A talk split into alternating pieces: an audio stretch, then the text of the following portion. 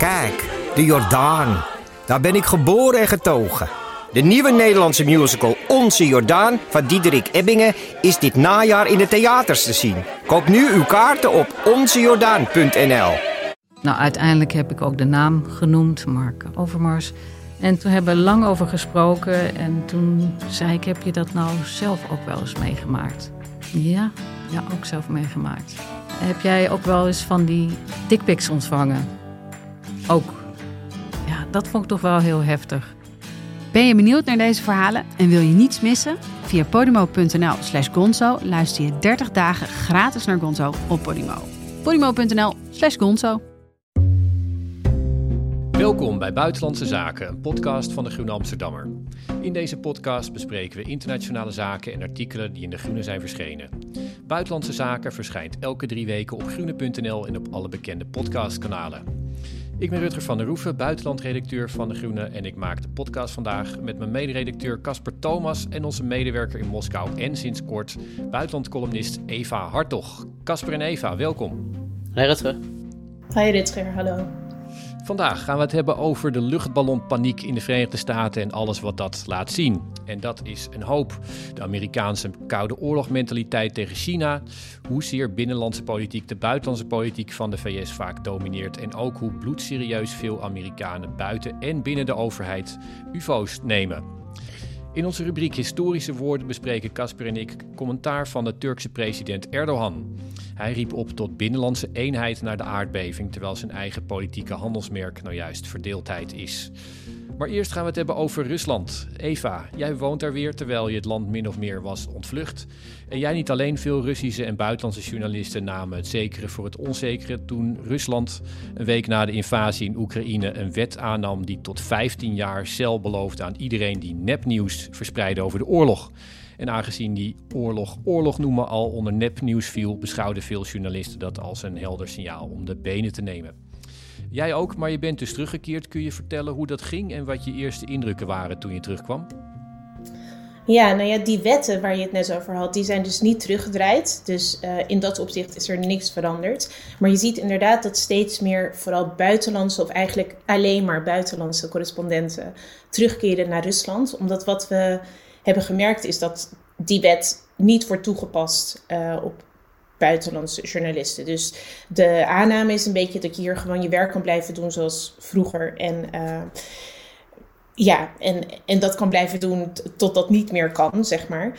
Um, voor mij was het eigenlijk heel makkelijk om terug te komen. Het was een kwestie van een uh, vliegticket kopen naar, via Istanbul. Want je kan nu niet vanuit Europa direct naar Rusland vliegen, naar Moskou.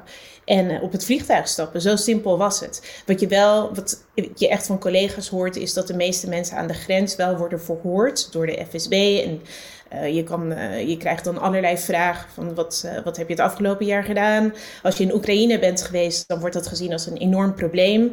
Wat vind je van Poetin? Wat vind je van de speciale militaire operatie? Er zijn mensen die urenlang worden verhoord op het vliegveld, maar de meeste komen wel gewoon weer het land in. En zo gauw je hier eenmaal bent, dan lijkt het eigenlijk net alsof er niets is veranderd. In de zin van, je pakt je oude leven bijna weer op. Zo voelt dat in het begin in ieder geval. Klopt het ook dat, dat er zo zeg maar antwoorden worden gedeeld die tactisch zijn en waarmee je, je niet al te zeer zeg maar uh, uh, je eigen overtuiging uh, ja, of, liegt en, en je eigen overtuigingen moet tegenspreken, maar waar je toch zeg maar langs de, langs de immigratie komt? Dat suggereerde ik een beetje hè, in mijn column. Het is niet zo ja. dat er een uh, groepschat is of een Google Doc met alle goede antwoorden. Het is meer dat je onderling heb je het er natuurlijk over. En je vraagt gewoon aan collega's van wat was jouw ervaring en uh, wat, wat voor vragen kan je verwachten.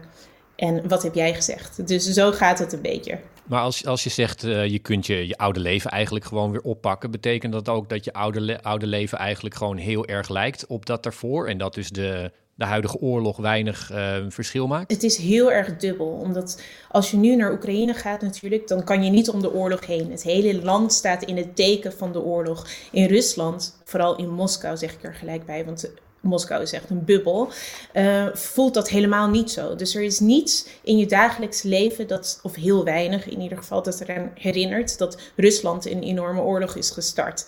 Uh, en die nog steeds voert tegen Oekraïne. Dus als jij je dagelijkse gang gaat, dan heb je weinig met de oorlog te maken. Tegelijkertijd viel mij wel echt enorm op hoe hoezeer de sfeer is veranderd in de stad. En dat is iets heel ongrijpbaars. Dat kan je eigenlijk moeilijk uh, beschrijven, maar het voelt leeg, het voelt um, gedeprimeerd. Je merkt dat er minder mensen zijn. Um, de, de sfeer is echt bedrukt, nou, gespannen ook. Um, maar dat zijn onderliggende processen die, die niet heel erg zichtbaar zijn. En dat is natuurlijk ook Poetins strategie geweest hè, vanaf het begin ervoor zorgen dat de gemiddelde Rus, en voornamelijk ook vooral de rijke stedelijke Russen, de Russische elite, zo min mogelijk voelt van deze oorlog. En in september viel dat hele plan natuurlijk in duigen met die mobilisatie die opeens werd uh, afgekondigd. Dat was een enorme schok. Toen zagen we natuurlijk al die files aan de grens en tienduizenden Russen, honderdduizenden Russen die het land uh, ontvluchten. Maar inmiddels is de situatie weer genormaliseerd eigenlijk. Dus wat je heel erg merkt is dat gewone Russen, de Russische samenleving, de Russische bevolking, de mensen die hier zijn gebleven, niet weg willen, niet weg kunnen, zo eigenlijk proberen hun normale leven weer op te vatten en door te zetten. Um, ondanks alles wat er gebeurt. Dat is heel vreemd. Ja, en als je zegt, Eva, dat, dat dat mensen, dat wie, wie, wie, wie weg kan, die, die Poets leven op te pakken, tegelijkertijd is, voelt het leeg. Betekent dat dan wie kan inderdaad vertrokken is? Uh, heb, heb je daar zicht op? Zijn mensen inderdaad, ik, ik begrijp dat veel mensen inderdaad naar, naar Dubai verhuizen als ze daar de middelen voor hebben bijvoorbeeld. Is dat, is, is dat inderdaad aan de hand?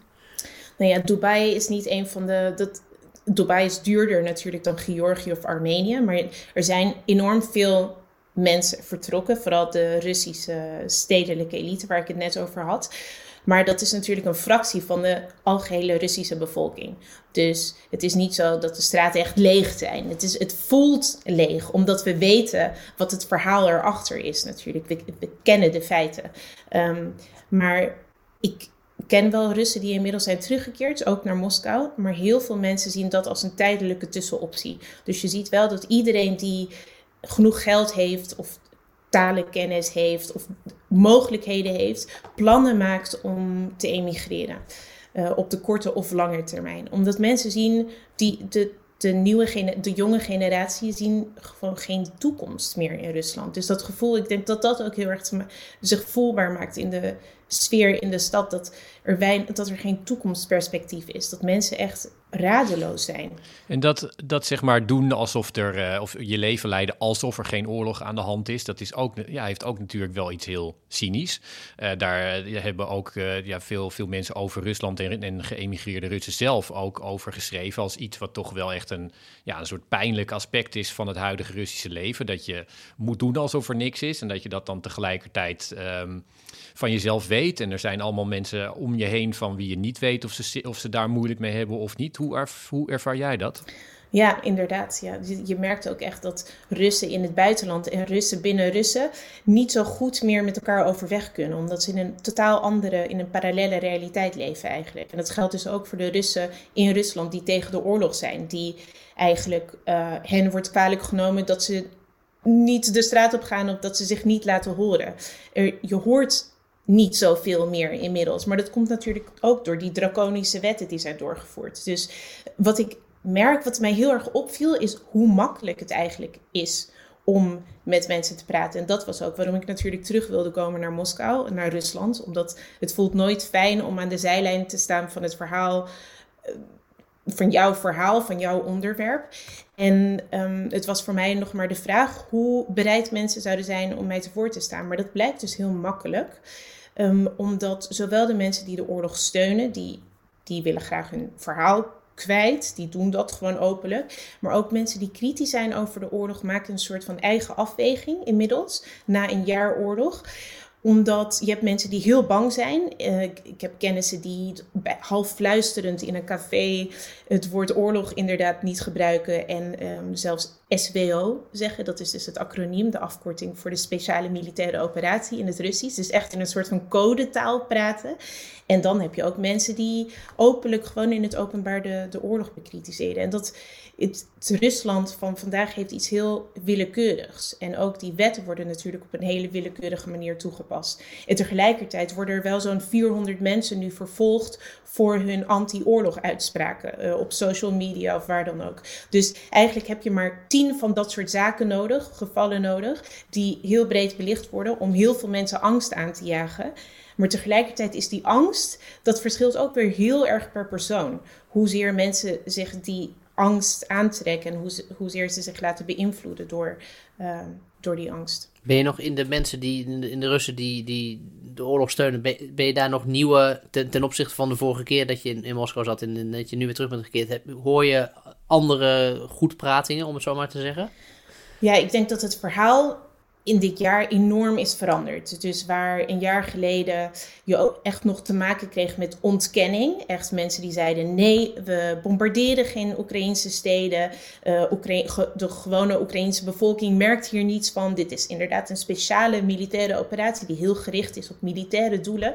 Um, dus die totale ontkenning, die hoor je nu veel minder. En nu is er een veel breder verhaal over we vechten niet tegen Oekraïne, we vechten tegen het collectieve Westen. Dat is nu echt een begrip geworden. Dus minder het verhaal over fascisten en nazi's. Dat hoor je inderdaad van Poetin nog steeds heel erg, die de hele tijd de Tweede Wereldoorlog aanhaalt. Maar heel veel Russen die, die zien dat als een soort van metafoor. Maar wat ze niet als metafoor zien, is het gevecht, de strijd tegen het Westen. En wat opmerkelijk is, is dat mensen die de oorlog steunen, onder die mensen voel ik ook niet per se heel veel enthousiasme of blijdschap uh, dat Rusland uh, deze oorlog of betrokken is geraakt bij deze oorlog, zoals zij dat zien. Hè? Mensen zijn over het algemeen, of je nou voor of tegen bent, vinden het heel jammer, vinden het tragisch, vinden het verschrikkelijk vervelend dat deze oorlog maar voortduurt. Maar ja, zeggen dan de mensen die de oorlog uh, steunen, we hadden geen keus. We zijn de oorlog ingesleurd door het Westen en we moeten ons verdedigen. En dat is wel echt een ander verhaal dan een jaar geleden. En de, de vrijheid in, in Rusland, je hebt er al een paar dingen over gezegd. Maar als ik het goed begrijp wat je zegt, is... Uh, de, de vrijheid in Rusland eigenlijk minder afgenomen dan we misschien zouden denken. Is, is Rusland niet veranderd in, um, in opeens een, een onvrije staat. Maar is het dus wel zo dat, dat mensen heel erg moet, zich moeten afvragen. Uh, moet ik persoonlijk oppassen? Of kan ik gewoon mijn leven leiden zoals ik dat, um, uh, zoals ik dat altijd deed? En loop ik heel weinig risico om in de problemen te komen? Nee, ik denk dat je het wel kan hebben over een onvrije staat. En de vrijheid is zeker dramatisch afgenomen. Alleen het feit dat je hier geen Russische journalisten meer hebt, onafhankelijke journalisten, zegt heel veel. Dus uh, alle politici, alle activisten, alle journalisten zijn weg. Dat hele veld is schoongeveegd in één keer. Dat is heel erg voelbaar, dat merk je. Het, um, de nuance zit hem in het feit dat dit systeem, dat zeggen Russen zelf ook, um, inefficiënt is. De willekeur van het Russische systeem betekent dat we niet terecht zijn gekomen in het Stalinisme met uh, grootschalige zuiveringen, bij wijze van spreken. Dus daar zit de soort van speelruimte die mensen voelen. Um, gaan ze per se achter mij aan? Nou ja, de kans is waarschijnlijk heel klein. Die afweging wordt op die manier gemaakt. Uh, maar dat is meer een teken van het soort van het gebrekkige Russische systeem dan um, dan de toon die is gezet. Want de toon is anti-westers, anti-oppositie. Er is geen speelruimte meer voor een uh, kritische noot.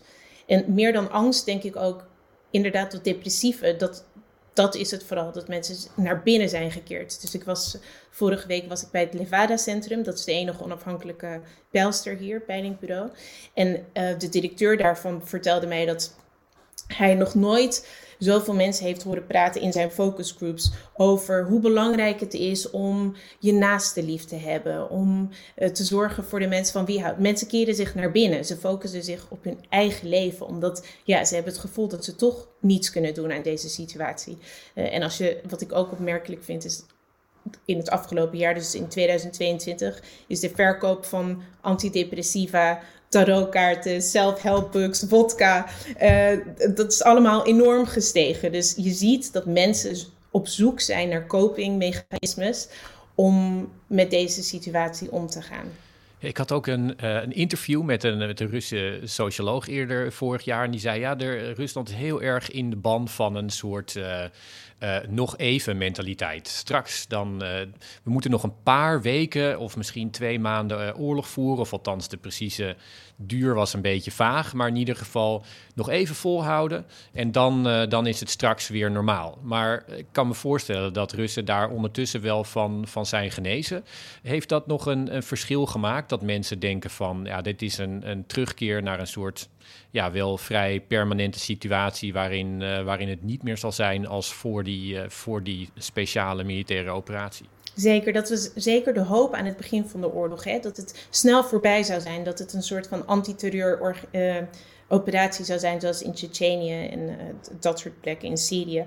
Maar um, daar zijn mensen inmiddels wel van afgestapt, inderdaad. En bij Levada blijkt het dus, dus dat onderzoeken tonen aan dat de in het afgelopen jaar, gedurende jaar, het aantal Russen uh, dat er vanuit gaat dat de oorlog nog zes maanden of langer gaat duren, is verdubbeld. Dus inmiddels is een meerderheid van de Russische bevolking is erop bereid, denkt dat de oorlog nog minstens een half jaar, zo niet langer gaat duren. En je kan je natuurlijk afvragen, als mensen daarop voorbereid zijn, dan accepteren ze dat ook.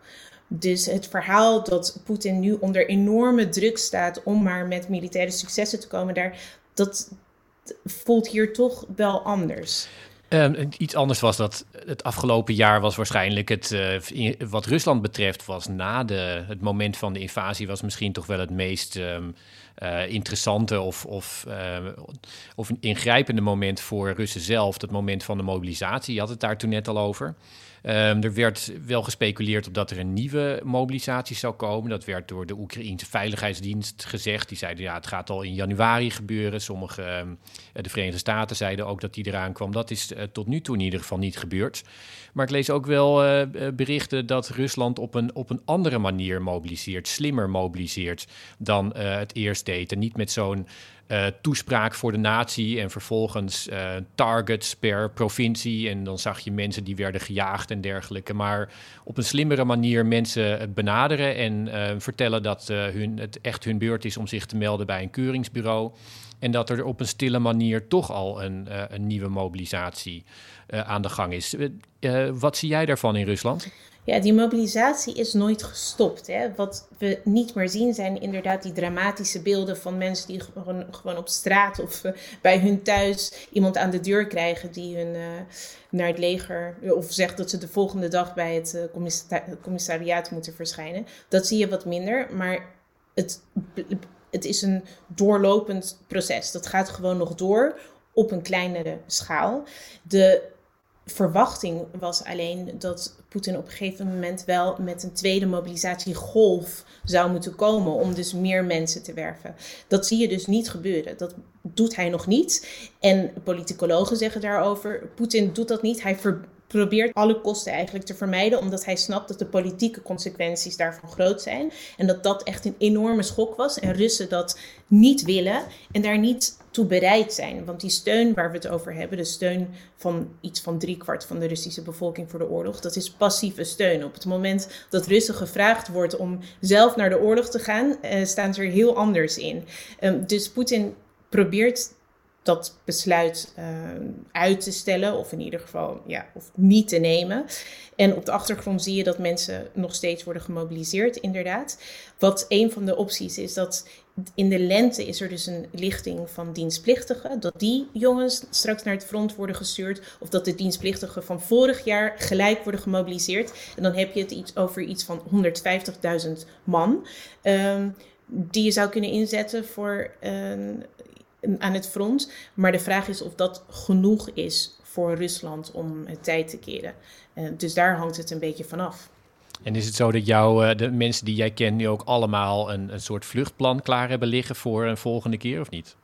Nee, grappig genoeg, daar is de situatie dus ook heel erg in gestabiliseerd, genormaliseerd. Dus de mensen die echt weg wilden, die zijn weg. Die, die blijven ook weg. Inmiddels zijn er ook uh, kennissen van mij, jonge mannen, die zijn teruggekomen naar Moskou.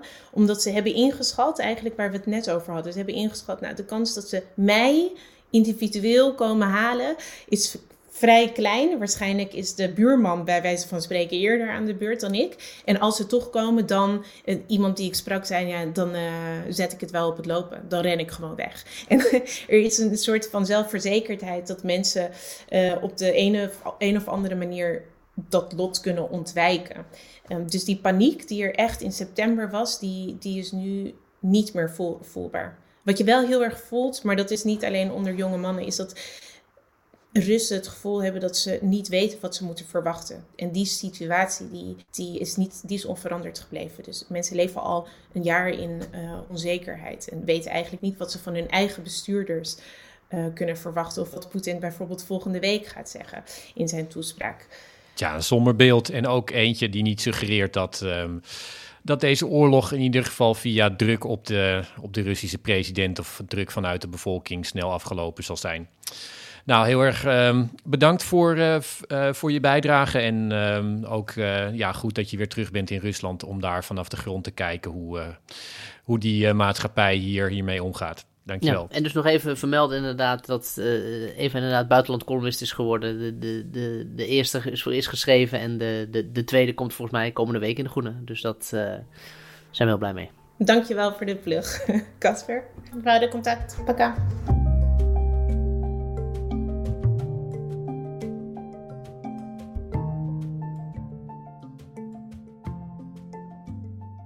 En dan nu historische woorden, onze rubriek waarin we een citaat bespreken van een politicus uit de afgelopen weken dat zomaar historisch zou kunnen worden. Deze week luisteren we naar Recep Tayyip Erdogan, de president van Turkije. Özellikle AFAD'ın merkezinden yapılan, yapılacak olan açıklamalar dışında provokatörlere fırsat vermemenizi bugün birlik olma zamanıdır. Dayanışma zamanıdır. En Erdogan vroeg hier aan zijn volk om de provocateurs geen kans te geven en alleen te luisteren naar mededelingen die van het rampenbeheersingsdienst kwamen. En hij zei: Vandaag is een tijd van eenheid en solidariteit. Casper, hoe luister jij naar die woorden? Dat de, het punt is dat die, die eenheid die, die Erdogan graag wil, die, die is er voor hem dus al heel lang geweest in het land. Uh, niet zozeer dat iedereen het met elkaar eens was, natuurlijk, maar de, de, de brede populaire steun voor zijn, voor zijn bewind is gewoon altijd heel groot geweest. Um, zeker buiten, buiten, buiten de, de, de stedelijke centra van Turkije. En de grote vraag die nu na die aardbeving komt, is dat, omdat er ook verkiezingen aankomen in Turkije, gaat dit, gaat dit zijn positie op enige manier ondergraven? En ik merkte aanvankelijk een soort reactie van, uh, inderdaad, oh nou, dit zal Erdogan wel de kop kosten. En in een, in een normaal regime, bij wijze van spreken, een normale politieke situatie, zou dat, zou dat ook het geval zijn. De vraag is, ja, ik, ik, ik, twijfel er toch wel een beetje over. Ook op basis van het gesprek wat ik voerde afgelopen week uh, met, met onze collega. Die was toevallig in Turkije uh, kort nadat de aardbeving zich voordeed. En die, die vertelde me eigenlijk, hij heeft er ook over geschreven in de Groene van, van afgelopen week. Uh, weet je, dat, dat, dat het verandert de, de steun voor, voor Erdogan niet eens zo heel erg. En dat, is toch, dat laat toch maar zien hoe hoe stevig verankerd die autocratie er eigenlijk dan is. Ja, je hebt. Um, uh, uh, schreef inderdaad, Rashid Edibol schreef inderdaad in dat stuk dat um, Turken heel boos zijn. Dat waren ze eerder ook al. En dan vervolgens stemmen ze toch weer op dezelfde machthebber. Dus dat zou nu zomaar kunnen gebeuren.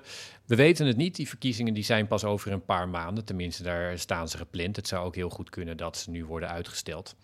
Maar um, toch is dit niet, uh, is dit niet een moment wat. Um, uh, ja, wat, toch is het een moment wat, wat heel belangrijk is. En ik, ik denk als je kijkt naar uh, studies hierover, dan zijn dit soort rampen toch vaak echte keerpunten in een, in een land. Het is een, een moment waarop uh, het systeem wat is opgetuigd in een land op een bepaalde manier niet meer uh, ontkenbaar is of niet meer vormbaar. Die uh, heersers zoals Erdogan zijn heel erg goed in het, in het creëren van een verhaal over zichzelf en hoe goed het met het land gaat. En zo'n ramp als deze, die, maakt, uh, die zet in een heel helder contrast hoe dat dan precies ermee staat. En er valt op geen enkele manier nu te ontkennen dat er uh, de hand is gelicht met, met bouwvoorschriften, dat er. Uh, wat heel veel mensen wel weten, dat er toch een soort bouwconctie is die heel dicht bij de overheid staat. En dat heeft allemaal heel veel bijgedragen aan dat slachtofferaantal. Want slachtoffers die worden, die worden niet puur gemaakt door, ehm, door de natuurramp zelf, maar ook door het politieke systeem wat er in een land is. Ehm, dat draagt allemaal bij aan de, aan de slachtofferaantallen en aan eh, hoe dodelijk een, een ramp is. Dus het een natuurramp noemen, dat verdekt ook een beetje in hoeverre zoiets ook een politieke ramp is. En dat is uh, wel duidelijk gemaakt. Zeker, nee, dat, dat, ben, ik, dat ben ik helemaal met je eens. En, dat, en wat, wat je eigenlijk ziet, we denken bij corruptie, denken we altijd aan die veel steekpenningen die in zak verdwijnen ergens. Of een, inderdaad een, een overheidsfunctionaris die een greep in de kast doet van, een ambtenaar die een envelopje in ontvangst neemt. Maar de, de, de, de kosten van, van, van, van corruptie en autocratie, die, die, die, die is dus ook gewoon meetbaar in mensenlevens. Een, een, een pandemie wordt minder goed aangepakt. Uh, dat, dat, dat, dat zag je in de VS, zeg maar. Trumps incentives waren, was niet de volksgezondheid dienen, maar zijn eigen politieke toekomst bestendigen. En dus dacht hij het is een belang om aanvankelijk maar te ontkennen dat er iets aan de hand was. En hier zie je dat inderdaad, dat, dat de corruptie die in dat, in dat bouwsysteem is geslopen, wat overigens de grote motor is geweest, dat, dat, dat bouwen van, van de Turkse economie voor een lange tijd. Uh, dat, dat, in, dat dat, wat ik zeg, ook op een gegeven moment gewoon, gewoon mensenlevens kost. En dat is, dat is hier zichtbaar. En ik denk dat dat een parallel is door, door autocratie in de hele wereld heen. En als we historisch kijken, dan zijn dit soort barsten in, in het systeem wel altijd achteraf gezien vaak momenten waarop het, bouwwerk in elkaar begon te storten. Eh, even in, in overdrachtelijke zin bedoeld hier. Ehm, en goed, dus misschien, misschien dat dat wel langzaam gaat gebeuren. En moeten we gewoon niet de aankomende verkiezing als het ultieme meetmoment daarvoor nemen, maar de, iets langere termijn daarvoor bekijken. Ja, het zou zomaar kunnen dat inderdaad Erdogan toch zijn verkiezingen wint. Maar ik denk toch dat, dat dit dan een moment kan zijn waarop eigenlijk zijn hele. Um, het, het verhaal leegloopt, het geloof leegloopt. Het een, uh, een, uh, toch vrij, vrij holle politiek systeem zal zijn waar mensen niet meer echt in geloven en waar dan de energie uit is. En dat zal dan toch ook zijn eigen diepe consequenties hebben. Dus ik denk um, ja, dat de, de woorden die hij hierin in oproept, waarin hij ook eigenlijk zegt: luister alleen maar naar, naar wat ik jullie vertel, niet naar wat anderen jullie vertellen. Dat geeft wel heel veel aan. Ja, dat, dat geeft het eigenlijk al aan. Hè? Dat, dat, geeft al, dat, dat, dat, geeft, dat geeft al de, de, dat, dat is al een soort onzekerheid die zich daarin in, in zit. Een soort angst die dat weer ja, geeft. Dus nee, ik denk dat, uh, dat deze uitspraken en deze reactie op die aardbeving hem nog wel een tijd gaat achtervolgen. Zeker. En overigens, we hebben het de hele tijd over, over de aardbeving in Turkije, wordt het al snel genoemd. Uh, wat we niet moeten vergeten is dat een, bedoel, een aardbeving kent geen grenzen. Uh, en, en we hebben aankomende week in de Groene een, een heel mooi verhaal over hoe, eigenlijk, hoe, hoe Syrië hetzelfde is overkomen, maar inderdaad een beetje buiten het blikveld is gevallen uh, van, van, van de rest van de wereld. Een verhaal eigenlijk geschreven door een Syrische journalist die niet meer daar zit. Hij heet Somer al-Abdallah. En uh, zeg maar zijn gedachtes en, en reflectie op eigenlijk de, de positie van Syrië in de wereld, wat dat land eigenlijk allemaal is overkomen. En dan nu die aardbeving, dat verslag staat aankomende week in de Groene. En dat is echt dat is heel bijzonder om te lezen.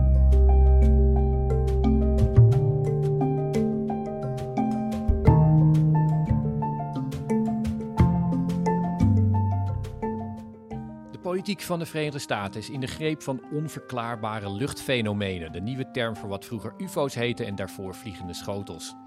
Dat begon een paar weken geleden toen de Amerikaanse regering bekend maakte dat het een ballon volgde die hoog in de atmosfeer over de Verenigde Staten dreef. Dat was een Chinese spionageballon, zei het Witte Huis, en later volgden er meer. Nu zegt Biden dat de laatste drie objecten die ze volgden niet Chinees waren. En al die tijd is het land er veel te opgewonden over dan gezond is. Casper, jij uh, hebt er uh, jaren gewoond. Wat zie jij in deze, deze opwinding? Nou ja, het, is, het lijkt een beetje alsof we nu een raar onderwerp aansnijden. Hè? Mysterieuze vliegende objecten. Ik verwacht half uh, de, X-Files tunes als, uh, als intro bij, deze, bij, bij dit onderwerp. Eigenlijk biedt dit schijnbaar luchtige of schijnbaar lossige onderwerp biedt best een aardige inkijkje eigenlijk een beetje in de, in de politieke geestesgesteldheid van de Verenigde Staten.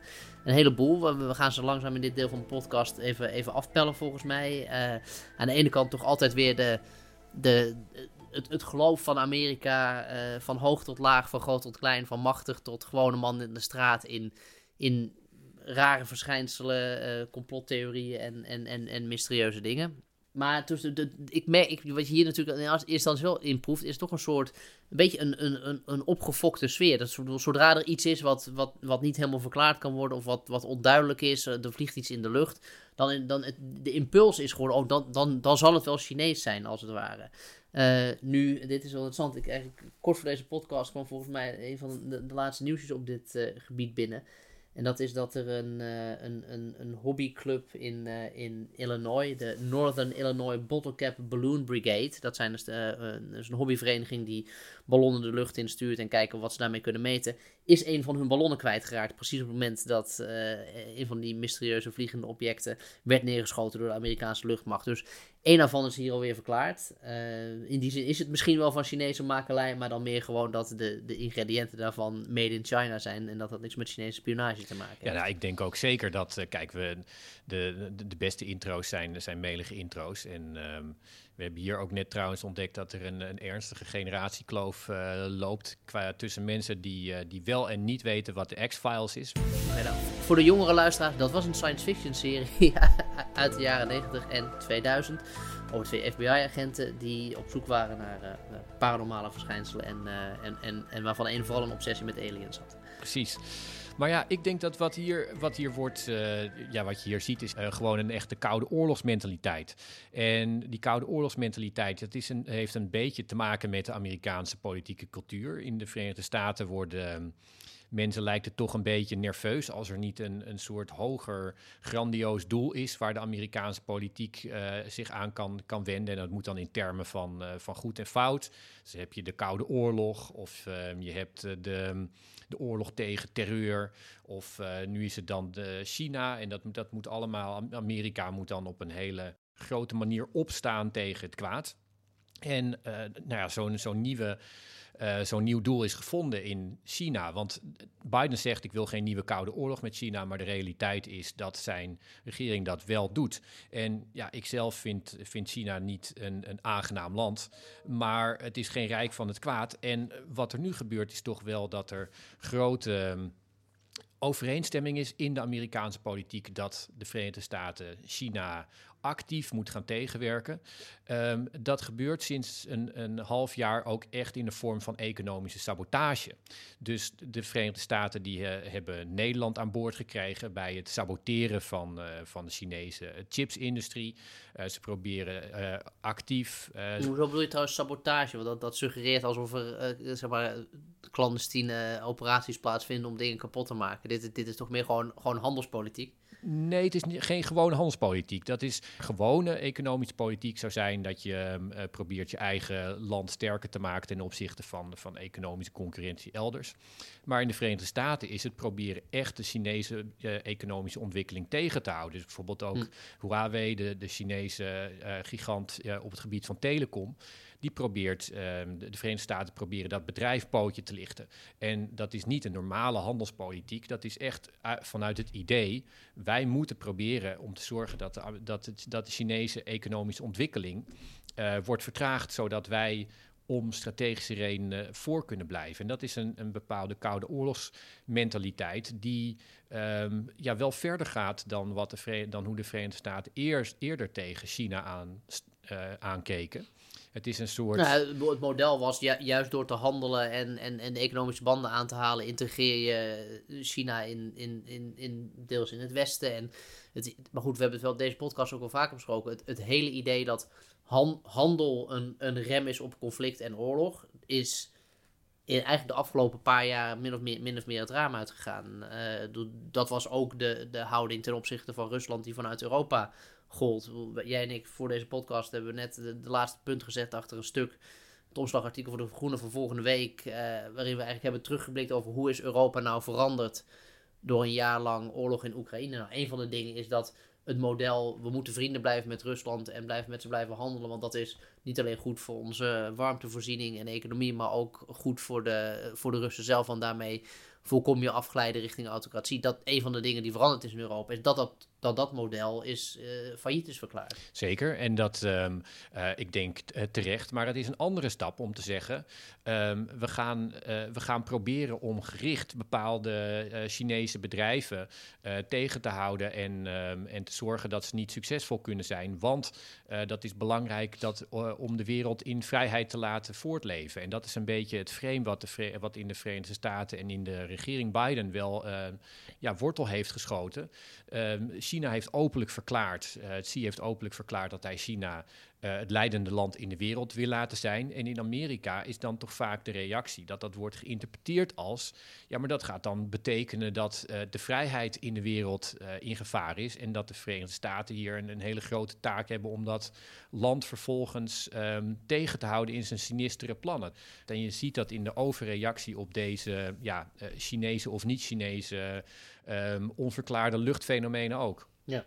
En laten we nog heel even teruggaan naar die, naar die onverklaarde luchtfenomenen. Want wat me wel is opgevallen in, in de Verenigde Staten en in Nederland heb ik dit nog niet echt geconstateerd. Maar als, als de wet opgeld doet dat alles wat zich in Amerika voordoet met enige vertraging uh, bij ons het, uh, de, debat insluit.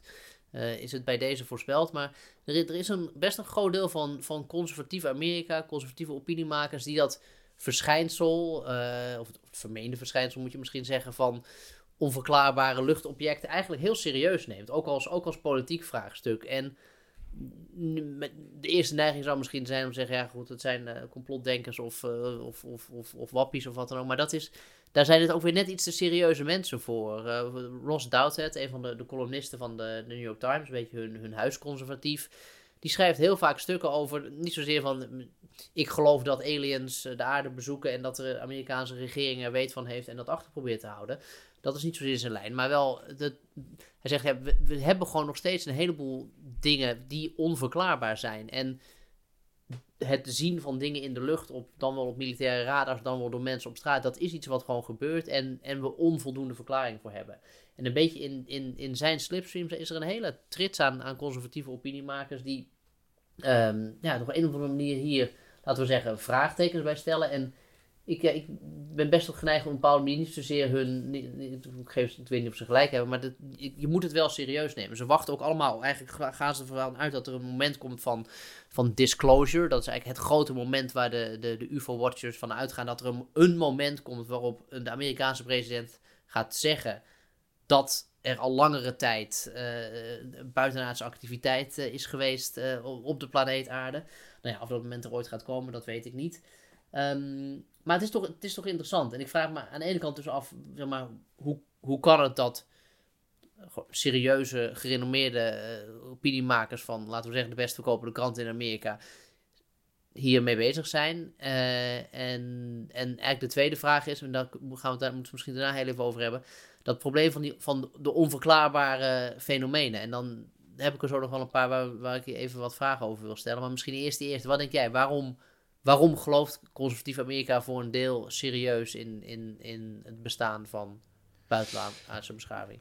Ja, ik denk dat er in de Amerikaanse politiek gewoon een soort paranoïde um, onderstroom is. En die, uh, die paranoïde onderstroom die kan zich uh, uiten via het, het, geloof in een gigantische samenzwering van communisten die door alle lagen van de samenleving heeft plaatsgevonden tot het, uh, het idee dat uh, de, de, Amerikaanse overheid um, uh, cruciale uh, informatie achterhoudt, om wat voor reden dan ook, over, over UFO's. Dat, dat laat natuurlijk een bepaald wantrouwen zien ten opzichte van de overheid of ten opzichte van georganiseerde macht in het algemeen, die ook weer, te die, die ook weer terug te voeren is op de, de oorsprong van de Verenigde Staten zelf. Um, maar jij noemde net ook die zeg maar die, die onderstroom in de conservatieve partij. Het is heel um, vaak heel, toch heel belangrijk om, om aan te wijzen hoezeer buitenlandse politiek in de Verenigde Staten wordt gestuurd door binnenlandse politiek. En als een partij zoals de, de Republikeinse Partij de hele tijd de president ervan beticht dat het te slap optreedt tegen, ehm, tegen UFO's of, of niet uh, de, de, nationale veiligheid niet uh, genoeg beschermt uh, als er onver, ongeïdentificeerde dingen over het Amerikaans grondgebied blijken te, te, vliegen, dan zie je dat die, dat die president er iets mee moet. En dat iedereen zit te wachten tot hij er iets mee doet. En dat is toch wel een beetje een, ehm, ja, zou je kunnen zeggen, een gevaarlijk uh, fenomeen in de Amerikaanse politiek. Omdat ook iemand die ehm, ja, wel wat rustiger aangelegd is, zoals Joe Biden, dan op een gegeven moment gedwongen is om te tonen dat hij heel energiek bezig is met iets wat, uh, waarvan hij misschien zelf gelooft dat het eigenlijk allemaal overdreven is. En, en dus schieten ze de, sturen ze een F-16 af op een, uh, op een hobbyballon van een, uh, een vereniging uit, uit Illinois. Maar het is, dat is dus dan wel interessant. Het is, maar het is niet alleen de, de, de vrije denker in de straat die, die hiermee bezig is. Uh, in het research voor die podcast kwam ik toch achter dat de, de VS beschikt sinds twee jaar in het Pentagon binnen een speciale Unidentified Aerial Phenomena Task Force. Dus even in, in goed Nederlands een speciale taskforce voor inderdaad onverklaarbare uh, lucht, luchtfenomenen. Dus het, het, hoeft niet eens een object te zijn blijkbaar. Um, en dat is gewoon een, een, een, een gefinancierd onderdeel van het Pentagon die, die, hier, die dat hier onderzoek naar doet. En de New Yorker had een interessant uh, artikel een tijd geleden. Zeg maar eigenlijk hoe, hoe het, met als werktitel, hoe hoe het Pentagon uh, het UFO-vraagstuk serieus is gaan nemen. Dus het is, blijkbaar wordt dit toch ook wel in, in hoge Amerikaanse politieke kringen serieus genomen. Ja, zeker. En um, ja, niet alleen daar in de, in de Amerikaanse cultuur is dat natuurlijk ook al heel lang zo. We, um, we hadden het net over, uh, over die serie uit de jaren negentig. De, de X-Files, maar de, het, genre is, is veel ouder. En um, in de Amerikaanse onderstroom heb je ook heel erg uh, zeg maar van die iconische gebeurtenissen, zoals het Roswell-incident. Google het allemaal als, als je er niet, uh, niet over weet en je verdwijnt al heel snel in, in de tunnel. Ja, dat fenomeen dat is, uh, dat is heel erg diep. En um, ja, ik zou dat toch naar een soort. Um, ja, onzekerheid en wantrouwen ten opzichte van de macht en een bepaalde paranoïde onderstroom in Amerikaanse politiek en samenleving zoeken dan in um, hm.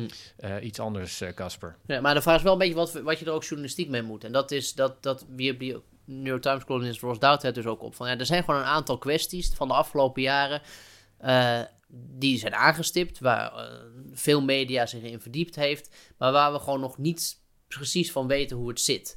En een van de dingen die hij noemde is de, de kwestie Jeffrey Epstein, de, de, de, de miljardair met contact in, in, in hoge kringen in Amerika, die uh, werd opgepakt voor uh, seksueel misbruik van minderjarigen en, en het in, in, zich voor elkaar kreeg om zichzelf op te hangen in de cel. Het, het is uiteindelijk nooit precies duidelijk geworden hoe die, hoe die man zo rijk is geworden, om maar wat te noemen. En uh, die vraag, wat ik zeg, die is, die is onvoldoende beantwoord. Ook door, door alle onderzoeksjournalistieke capaciteiten die, die Amerika en de rest van de wereld uh, aan, de, aan de dag kan brengen. En de andere die hij noemde, en die is een beetje interessant in het licht van de andere gesprekken die we, die we hier voeren vandaag. En ook omdat we het thema sabotage al even hebben aangestipt.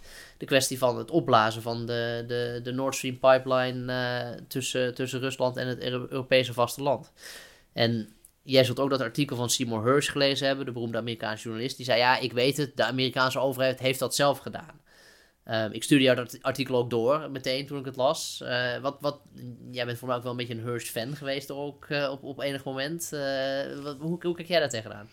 Ja, met spijt. Kijk, Seymour Hersh is inderdaad een, um, een, een, journalistieke held, uh, vind ik, in zijn, in zijn eerdere leven. Toen heeft hij um, uh, onderzoek gedaan in, in de Vietnamoorlog, wat, wat het My um, bloedbad aan het licht bracht. Later heeft hij meegewerkt aan het bekend raken van de, de, het misbruik en, en marteling van gevangenen in de Abu Ghraib-gevangenis in, in Irak. Dus dat, ja, dat, daarmee heeft hij echt wel zichzelf heel erg laten laten zien. Maar hij heeft jammer genoeg zat hij ook soms wel heel erg naast. En enorme uitgeleider was, uh, was bijvoorbeeld dat hij in Syrië een chemische aanval op burgers ontkende.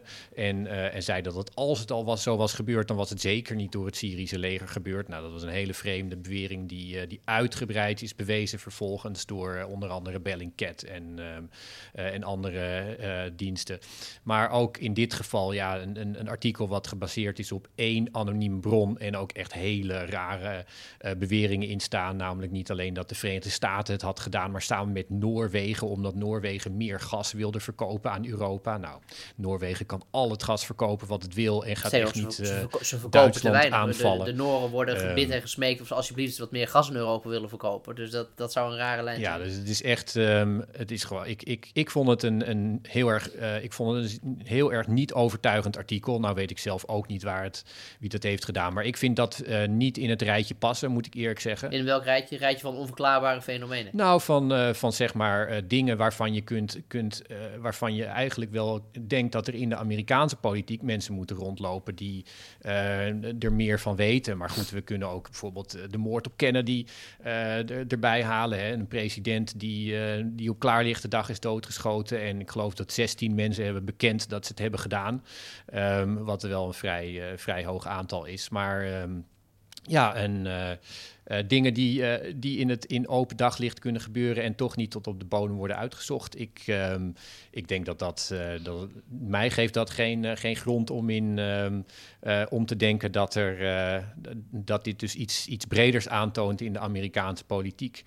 Um, nee, nee, dat niet per se. Maar goed, maar er is wel de vraag. Ik ben toch je bent toch geneigd dat uiteindelijk altijd de waarheid wel boven tafel komt. Of in ieder geval een geloofwaardige versie van wat de waarheid zou kunnen zijn. En het interessante is dat, en dan, en dan ook wel op basis van bronnenonderzoek of in ieder geval onderbouwd. En als je kijkt bijvoorbeeld naar die, het, het opblazen van die Nord Stream pipeline, en het geldt, geldt inderdaad bijvoorbeeld voor die Epstein-kwestie die ik net noemde.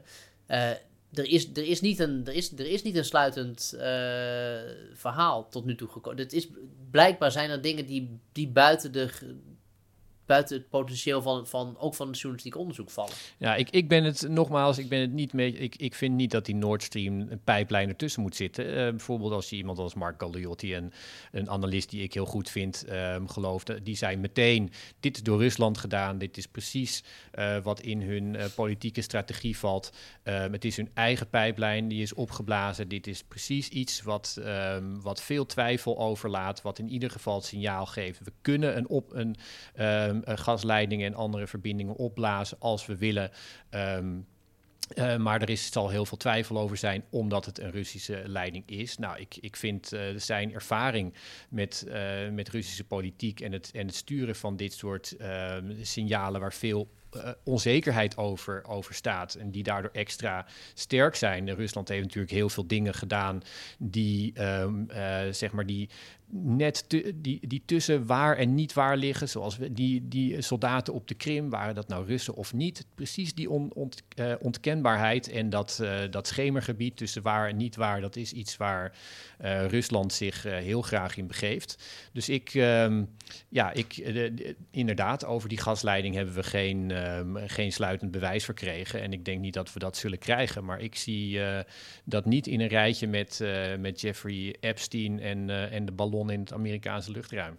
Okay. Een ander die op dat lijstje stond van, uh, van dat het was de, de, de, de lab-lek-theorie van het coronavirus. Dus het, het, het is in een Chinees laboratorium ontstaan. Uh, ook zo'n onderwerp waar je op een gegeven moment tegen de grenzen van het kenbare uh, aanloopt.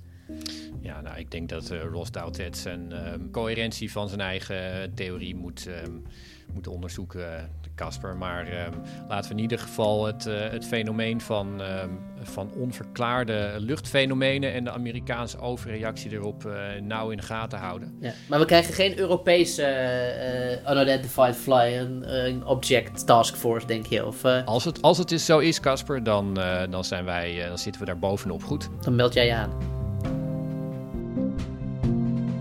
Dit was Buitenlandse Zaken, een podcast van de Groene Amsterdammer. U hoorde Eva Hartog vanuit Moskou, Casper Thomas vanuit Limburg en Rutger van der Hoeven vanuit Amsterdam. De podcast werd gemaakt door Giselle Meijlief.